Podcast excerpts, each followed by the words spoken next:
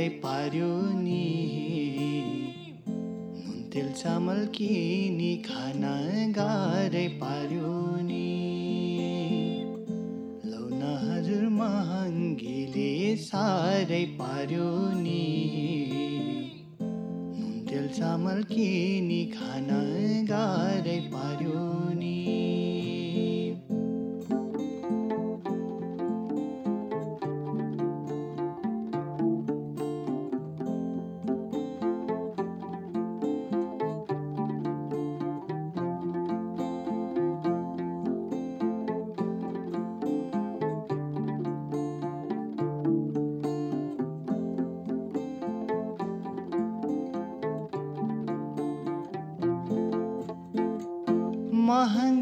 थिचिए जनता बिचको नाफामा।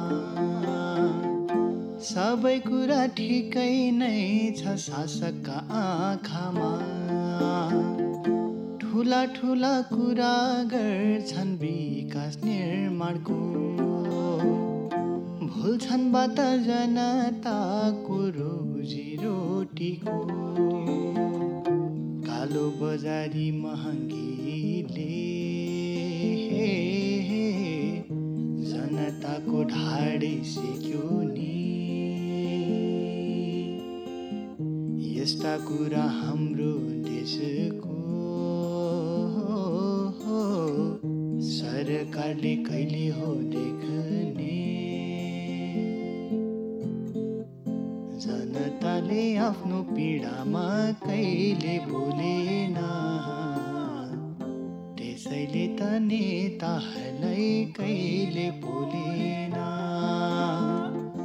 अब भने अति भयो खुल्न थालौँ है। महँगी र कालो बजारीमा बोल्न थालौँ है। साथीहरू तपाईँहरू तरकारी तथा खाद्यान्न सामग्री किन्न कतिको जानुहुन्छ? किन्न जानु भएको छ भने त तपाईँहरूले महसुस गर्नु भएकै होला अहिलेको बढ्दो बजार भाउ। किन्न जानु भएको छैन भने पनि कतै न कतै सुन्नु भएकै होला मूल्य वृद्धिका कुराहरू हो। दैनिक उपभोग्य वस्तुको मूल्य अहिले आकाशिएको छ। सर्वसाधारणलाई भान्सा चलाउन मुस्किल छ। तरकारी र खाद्यान्नको भाउ बढिरहेको बेलामा खुद्रा व्यापार सङ्घले विगत एक महिनामा उपभोग्य सामग्रीमा चर्को मूल्य वृद्धि भइरहेको जनाएको छ। कहिलेकाहीँ कतिपय मान्छेहरूलाई केही वस्तुमा अझ भनौँ खाद्यान्नमा तरकारीमा भाउ बढ्दा त्यति धेरै छुँदैन र वास्ता गर्दैनन् पनि तर देशको जनसङ्ख्याको ठुलो हिस्सालाई भने यसले मारमा पारेको हुन्छ। अहिले हामी कोरोना कहरमा छौँ। कतिको रोजगारी गुमेको छ। आम्दानी हुने बाटो थुनिएका छन्। कतिका आम्दानी हुने बाटोहरू खुम्चिएका छन्। सीमित आम्दानीमा खर्च धान्न बाध्य छन् अधिकांश जनताहरू तर बजार भाउ छोइ नसक्नु भएको छ। नेपाल राष्ट्र ब्याङ्कको तीन वर्षको तथ्याङ्क हेर्ने हो भने अवस्था काली लाग्दो छ। जस अनुसार आर्थिक वर्ष चौहत्तर पचहत्तरमा वार्षिक औसत मूल्य वृद्धि चार पोइन्ट दुई जेरो प्रतिशत थियो। अब दुई हजार पचहत्तर छयत्तरमा त्यो चार पोइन्ट छ पाँच प्रतिशत पुग्यो। यस्तै छयत्तर सतहत्तरमा छ पोइन्ट एक पाँच भयो। सतहत्तर अठहत्तरको पहिलो पाँच महिनामा तिन पोइन्ट सात दुई प्रतिशत वार्षिक औसत मूल्य वृद्धि भएको छ। त्यसमध्ये खाद्यान्न र पेय पदार्थमा पाँच पोइन्ट पाँच जेरो तथा गैर खाद्य र सेवामा दुई पोइन्ट तिन पाँच प्रतिशत दरले मूल्य वृद्धि भएको छ। यो त भयो सरकारी तथ्याङ्क। तर बजारमा योभन्दा धेरै माथि पुगेको छ चर्किएको छ बजार भाउ। साथीहरू बजार भाउ आकाशिएर छोइ नसक्नु भएको बेलामा न त हाम्रो सरकार बोलेको छ न त प्रतिपक्षले नै यो कुरा उठाएको छ। तपाईँहरूलाई स्मरण होला नै। वाम गठबन्धनले दुई हजार चौहत्तरमा भएको चुनावमा गरेको प्रतिबद्धतामा जनताको मन जित्न उनीहरूले भनेका थिए। कृत्रिम मूल्य वृद्धि सिन्डिकेट गुणस्तरहीनता र भ्रमपूर्ण विज्ञापन नाप्तौल ठगी लगायतलाई कडाइका साथ नियन्त्रण गरिनेछ। तर आज हामी मूल्य वृद्धिको चरम चपेटामा छौँ। उपभोग्य सामग्रीमा असाक्ली मूल्य वृद्धि हुँदा निम्न स्तरका श्रमिक परिवारलाई छाक टार्न समस्या भएको छ। तर उनीहरूको कुरा कसले बोलिदिने? कसले सुनिदिने? कसले देख्दिने? बोल्न सुन्न र देख्न पर्ने भनेको सरकार र प्रतिपक्षमा उनीहरूले नै हो। तर उनीहरूको प्राथमिकतामा महँगीको मुद्दा कहिले बन्न सकेको छैन। के राजनीतिक दलका मुद्दा जनताको दैनिकीमा असर पार्ने महँगी पनि हुनुपर्ने होइन र आउनुहोस् आज हामी राजनीतिक दलहरूको मुद्दा महँगी किन बन्दैन? हामी महँगीको बारेमा किन बोल्ने? किन यसको विरुद्धमा प्रश्न गर्ने? र अब राजनीतिक दलहरूलाई आगामी दिनमा कसरी जवाबदेही बनाउन सकिन्छ भन्ने बारे छलफल गरौँ।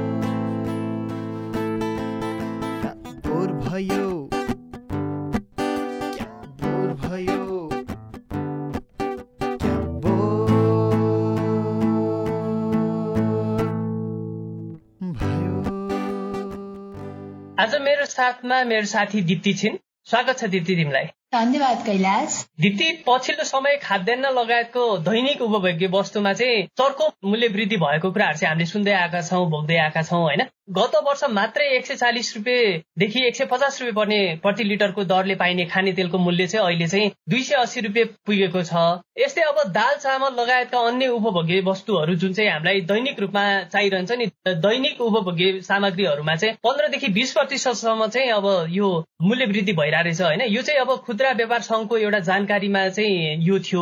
त्यस्तै अब हामीले पनि यो कुराहरू धेरै महसुस गरिरहेछौँ। जस्तै मैले पनि अब यो अहिले यो लकडाउनको दुई महिनाको अन्तरालमा चाहिँ मैले चार पाँचचोटि चाहिँ पसल गएको छु क्या। चार पाँचचोटि जाँदाखेरि चाहिँ म पाँच सात दिनलाई पुग्ने छ सात दिनलाई पुग्ने एकैचोटि सामान ल्याउँछु। त्यस्तै गर्दाखेरि मैले के अनुभव गरेको छु भने फर्स्ट टाइम जुन भाउमा मैले किनिरहेको थिएँ त्यो प्रत्येकचोटि बढिरहेछ क्या प्रत्येकचोटि जस्तै उदाहरण दिउँ एउटा अब खाने तेलकै दिउँ न। पहिला मैले खाने तेल दुई सय पैँतालिस रुपियाँमा किन्थेँ क्या। दुई सय पैँतालिस रुपियाँमा किन्थेँ पछि अब अर्कोचोटि जाँदा दुई सय पैँसठी पर्यो। फेरि अर्कोचोटि जाँदाखेरि अब अहिले दुई सय अस्सीको कुरा भइरहेछ। मैले अब यो दुई सय अस्सीवाला चाहिँ किनेको छैन। अस्सी दुई सय पैँसठी पर्दाखेरि मैले आफैले किनेर लिएर आएको। यस्तै अब अहिले यो खाने तेल अब सनफ्लावर तेलदेखि लिएर गएर भटमासको तेलमा चाहिँ यसमा चाहिँ प्राइजहरू हाइक भइरहेछ क्या एकदमै बढिरहेछ। त्यस्तै अब उपभोग्य वस्तुहरू जस्तै अब चिनीमा बढिरहेछ होइन? यो जुन चाहिँ हाम्रो दैनिक उपभोग्य वस्तुहरूमा चाहिँ पन्ध्रदेखि बिस प्रतिशतसम्म चाहिँ मूल्य वृद्धि भइरहेछ क्या। तिमीले चाहिँ अब यो महँगीलाई कतिको महसुस गरेका छौ होइन? विशेष गरी अब यो तरकारीदेखि लिएर खाद्यान्न जुन चाहिँ हाम्रो दैनिक हामीले चाहिँ जुन चाहिँ कन्ज्युम गर्छौँ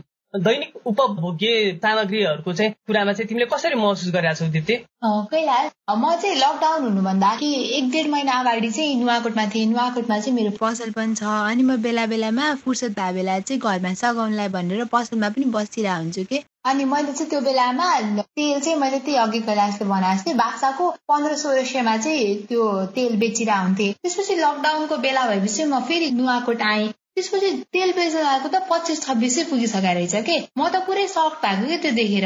मलाई त्यति दिनसम्म मूल्य वृद्धि भएको नै थाहा थिएन। तरकारीको के छ अवस्था मलाई खासै आइडिया छैन किनभने म अहिले चाहिँ गाउँमा छु खासै तरकारी किन्नु पर्दैन। तर खाद्यान्नमा हेर्ने हो भने म एज अ व्यापारी मैले पसलमा बेचेर दाइ चाहिँ मैले यति धेरै भास्ट डिफरेन्स पाएको छु नि यो सर्टेन टाइमको अन्तरालमा। अझ मैले त कस्तो पीडादायी कुराहरू पनि चाहिँ सुनेको छु कि? मेरो पसलमा धेरै थरीका मानिसहरू आउनुहुन्छ है। अनि एकजना बुढा बुवा आउनुभएको थियो क्या। तेलको भाउ त हप्तै पछि बढेको बढेको थियो नि त अघि कैलाशले भने जस्तो।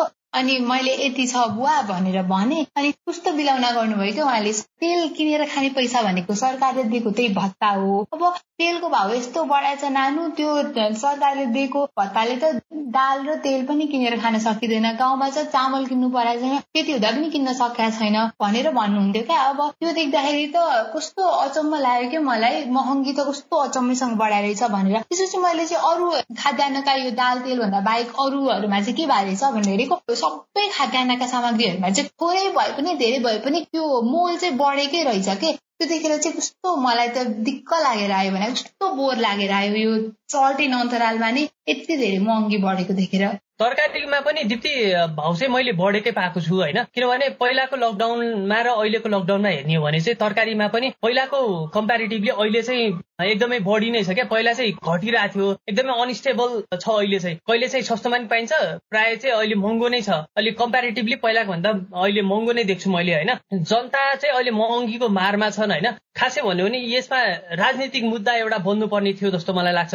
यो अब राजनीतिक मुद्दाहरू नबनाए देख्दाखेरि चाहिँ दिप्ती अब तिमीलाई चाहिँ एकदमै कस्तो बोर लाग्दैन? मलाई चाहिँ एकदमै बोर लागे दिक्क पनि लाग्छ कि कहिले काहीँ? अब यो हरेक कुरामा खालि ठुल्ठुला कुराहरू मात्रै गर्ने तर यो जुन चाहिँ अब यो हाम्रो दैनिकीमा हाम्रो यो ठुलो जमात ठुलो जनसङ्ख्यालाई चाहिँ एकदम असर पार्ने यो हाम्रो दैनिकीको कुराहरूमा अझ खाद्यान्नको कुराहरूमा चाहिँ मूल्य वृद्धि हुँदाखेरि चाहिँ खासै राजनैतिक दलहरूले नेताहरूले चाहिँ त्यति चासो दिएको मैले देख्दिनँ। अब यसो हेर्ने हो भने अब यो हाम्रो यो राजनीतिक मुद्दै बन्न सकेको छैन क्या। अब हाम्रै छिमेकी देशको अब दिल्ली गभर्मेन्टको हेरौँ न आम आदमी पार्टीको अब दिल्ली गभर्मेन्टको केजरीवालको सरकारै हेर्ने हो भने पनि उनीहरूको एजेन्डाहरू चाहिँ कस्तो छ भने सबै यो सानो जुन चाहिँ हामीलाई अति आवश्यक चिजहरूमा पर्छ नि त्यो कुराहरू चाहिँ उनीहरूले उठाइरहेछन् क्या तर हाम्रो नेपालमा चाहिँ अब खासै यो महँगीहरूदेखि लिएर गएर यो साधारण कुराहरू विशेष त यो महँगी कुरा चाहिँ एकदमै उनीहरूको चाहिँ मुख्य मुद्दाको रूपमा चाहिँ पर्न सकेका छैन। क्या अब किन यस्तो हुन्छ जस्तो लाग्छ दिप्ती तिमीलाई? हो नि कैलाश यो एकदमै बोरिङ कुरा हो होइन? अब किन भनेर तिमीले सोध्यौ?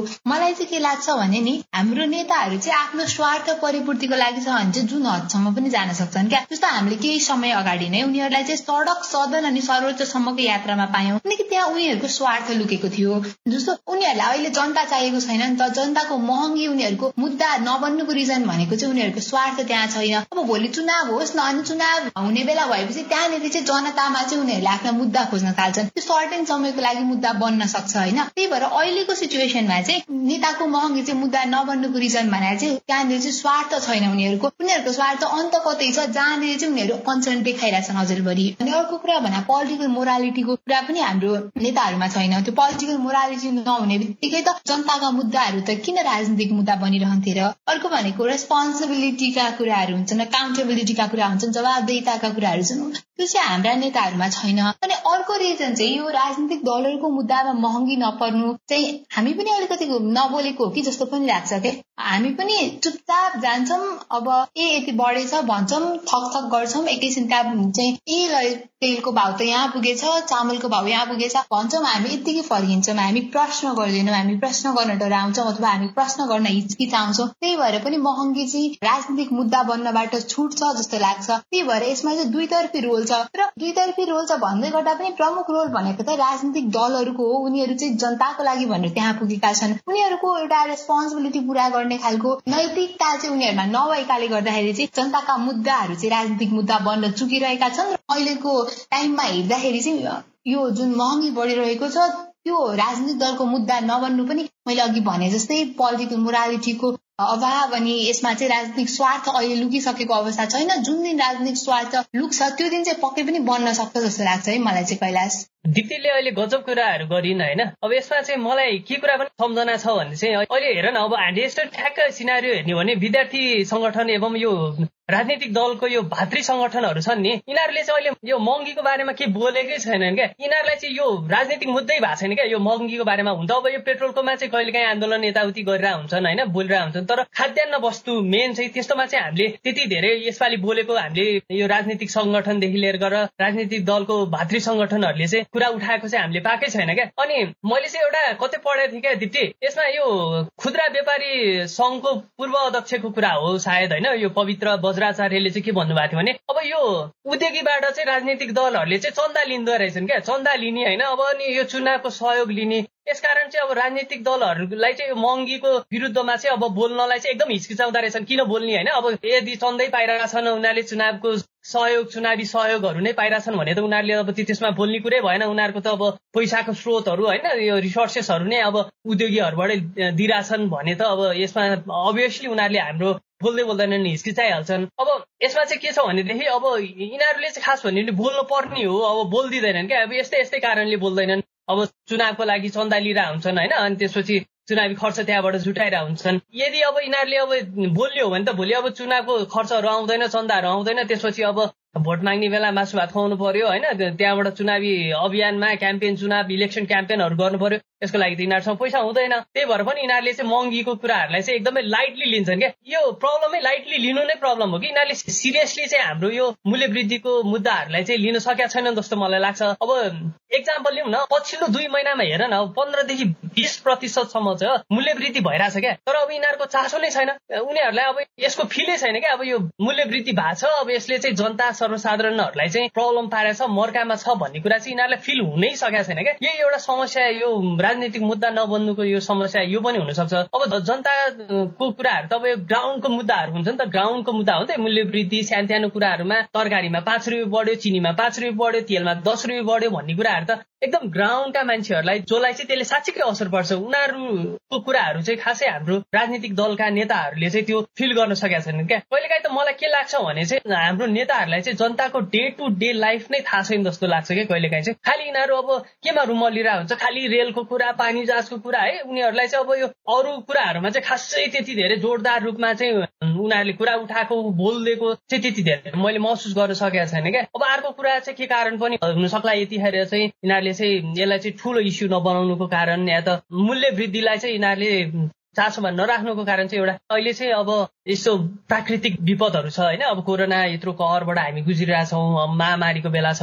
यति बेला किन बोल्ने? अब यो कम्प्रोमाइजिङ क्या अब किन बोल्ने? अहिले के बोलेर केही फाइदा छैन जस्तो धेरैलाई लागिरहेको हुनसक्छ। तर मलाई चाहिँ के लाग्छ भने अब यो महामारीकै बेलामा हो क्या सबभन्दा धेरै? यो कालोबजारी हुने मूल्य वृद्धि हुने अनि त्यसपछि एकअर्कालाई ठग्ने होइन? सामानको सर्टेज हुने भनेकै यही बेला नै हो। मान्छेहरूले यही बेला नै हो समस्या धेरै भोग्ने। त्यही भएर मलाई चाहिँ के लाग्छ भने यही बेला हो बोल्नु पर्ने राजनीतिक मुद्दा यही बेला बनाउनु पर्ने हो जस्तो लाग्छ तर बनाउँदैन। अघि तिमीले भने जस्तै मान्छेहरूले पनि कम्प्रोमाइज पनि गरिदिरहेछ क्या। अब हाम्रो चाहिँ के बानी रहेछ भनेदेखि ए बाढी पहिरो गएको छ दुःख छ देशमा दुःख छ अब हामीले चाहिँ सहिदिनुपर्छ हामी चाहिँ खाइदिनुपर्छ ठिकै छ अब दस बिस रुपियाँ बढाएको छ भन्ने खालको हामी कम्प्रोमाइज बढी गरिरहेको छौँ क्या। जनताले पनि प्रश्नहरू नै उठाइरहेको छैन क्या। प्रश्न नि उठाएको छैन विरोध पनि गरिरहेको छैन। ठिकै छ बढ्या छ भन्या छ बस्या छ। तर सरकार भने त के हो भने एउटा सानो संयन्त्र होइन नि त। यो विपद व्यवस्थापन हेर्ने छुट्टै संयन्त्र हुन्छ व्यापार हेर्ने छुट्टै हुन्छ। ठुलो एउटा ठुलो अर्गनाइजेसन हो नि त यो सरकार त। त्यही भएर चाहिँ मलाई के लाग्छ भने सबै part of body branch of गभर्मेन्टहरू चाहिँ एक्टिभ हुनुपर्छ। अनि त्यसपछि मूल्य वृद्धि पनि एउटा एकदम प्राइम कन्सर्न लिएर चाहिँ यसको लागि पनि मुद्दा बनाउनु पर्छ यसको लागि पनि बोल्नुपर्छ जस्तो जस्तो मलाई लाग्छ मलाई चाहिँ अर्को कुरा के लाग्छ भनेदेखि चाहिँ अब हामी जो चाहिँ पीडामा छौँ नि त्यही मान्छेहरू चाहिँ अब बोल्नुपर्ने हो नि त। हामी चाहिँ बोल्दैनौँ क्या अब मूल्य वृद्धि भइरहेछ यसले चाहिँ दुई सय तिस रुपियाँ लेखेको तेल चाहिँ दुई सय पैँतालिसमा बेचिरहेछ दुई सय पैँसठीमा बेचिरहेछ भने हामी चाहिँ चुप्पो लाएर बस्छौँ क्या। अब हामी चाहिँ यसमा बोल्नुपर्छ जस्तो लाग्छ मलाई चाहिँ होइन? त्यही भएर मलाई चाहिँ के लाग्छ भनेदेखि अर्को एउटा कुरा चाहिँ हाम्रो यो मूल्य वृद्धिको विरुद्धमा कालो बजारीको विरुद्धमा चाहिँ हामी जबसम्म सरकारलाई घचघचाउँदैनौँ जबसम्म चाहिँ हामी बोल्दैनौँ होइन? आफ्नो प्रश्नहरू राख्दैनौँ तबसम्म चाहिँ हाम्रो यो मुद्दा चाहिँ राजनीतिक मुद्दा बन्न सक्दैन जस्तो लाग्छ मलाई। त्यही भएर चाहिँ मलाई के लाग्छ दिप्ती भने हामी चाहिँ अब यो महँगीको बारेमा चाहिँ हामी बोल्नुपर्छ जस्तो लाग्छ होइन? अनि यो मूल्य वृद्धिको विरुद्धमा हामीले चाहिँ प्रश्न उठाउनु पर्छ जस्तो लाग्छ। के कसो दिप्ती? एक्ज्याक्टली कैलाश। अब हामीले महँगीको बारेमा नबोले यसका विरुद्ध प्रश्नहरू नगरे त महँगी अझै बढिरहने चान्सेसहरू चाहिँ हामीले प्रेडिक्ट गर्न सक्छौँ होइन? हामीले महँगीको बारे बोल्नुपर्छ अथवा प्रश्न गर्नुपर्छ भनेर भनिरह रहँदाखेरि किन बोल्ने त महँगीका बारे भन्ने प्रश्नहरू पनि उब्जिन सक्छन्। अब त्यो सिलसिलामा कुरा गर्नु पर्दाखेरि चाहिँ महँगीले चाहिँ खास भन्ने हो भने नेपालको एकदम धेरै ठुलो मासलाई चाहिँ अफेक्ट पारेको छ। धेरै पपुलेसन्सहरू चाहिँ हाम्रो हेर्ने हो भने त्यस्तो हाई क्लासका मानिसहरू छैनन्। उनीहरूलाई डे टु डे लाइफमा चाहिने खाद्यान्नमा चाहिँ महँगी बढ्दाखेरि उनीहरूको लाइफ डाइरेक्टली नै अफेक्टेड हुन्छ। त्यही भएर पनि त्यस्ता व्यक्तिहरूको लाइफको लागि पनि हामीले चाहिँ महँगीको विरुद्ध बोल्नुपर्छ। अनि अर्को कुरा भनेको हाम्रा पोलिटिसियन्सहरूलाई अलिकति झकझकाउनु पर्ने अवस्था जस्तो छ। हाम्रा पोलिटिसियन्सहरू आफै केही नगर्ने जस्तो देखिन्छ। उनीहरूलाई कसरी फेम कमाउने कसरी चर्चामा आउने भन्ने त छ तर जनताका काम गरेर चर्चामा आउन त म चाहिँ किन यो पोजिसनमा पुगेको हुँ भन्ने कुरा भान नभएको अवस्था छ जस्तो लाग्छ। त्यही भएर राजनीतिक दलहरूलाई राजनीतिक दलका नेताहरूलाई झकझकाउनुको लागि पनि हामीले महँगीका बारे अनि जनताका कन्टेम्पोरेरी इस्युजहरू जुन जुन प्रब्लम्सहरू छन् त्यसका बारे बोल्नुपर्छ जस्तो लाग्छ।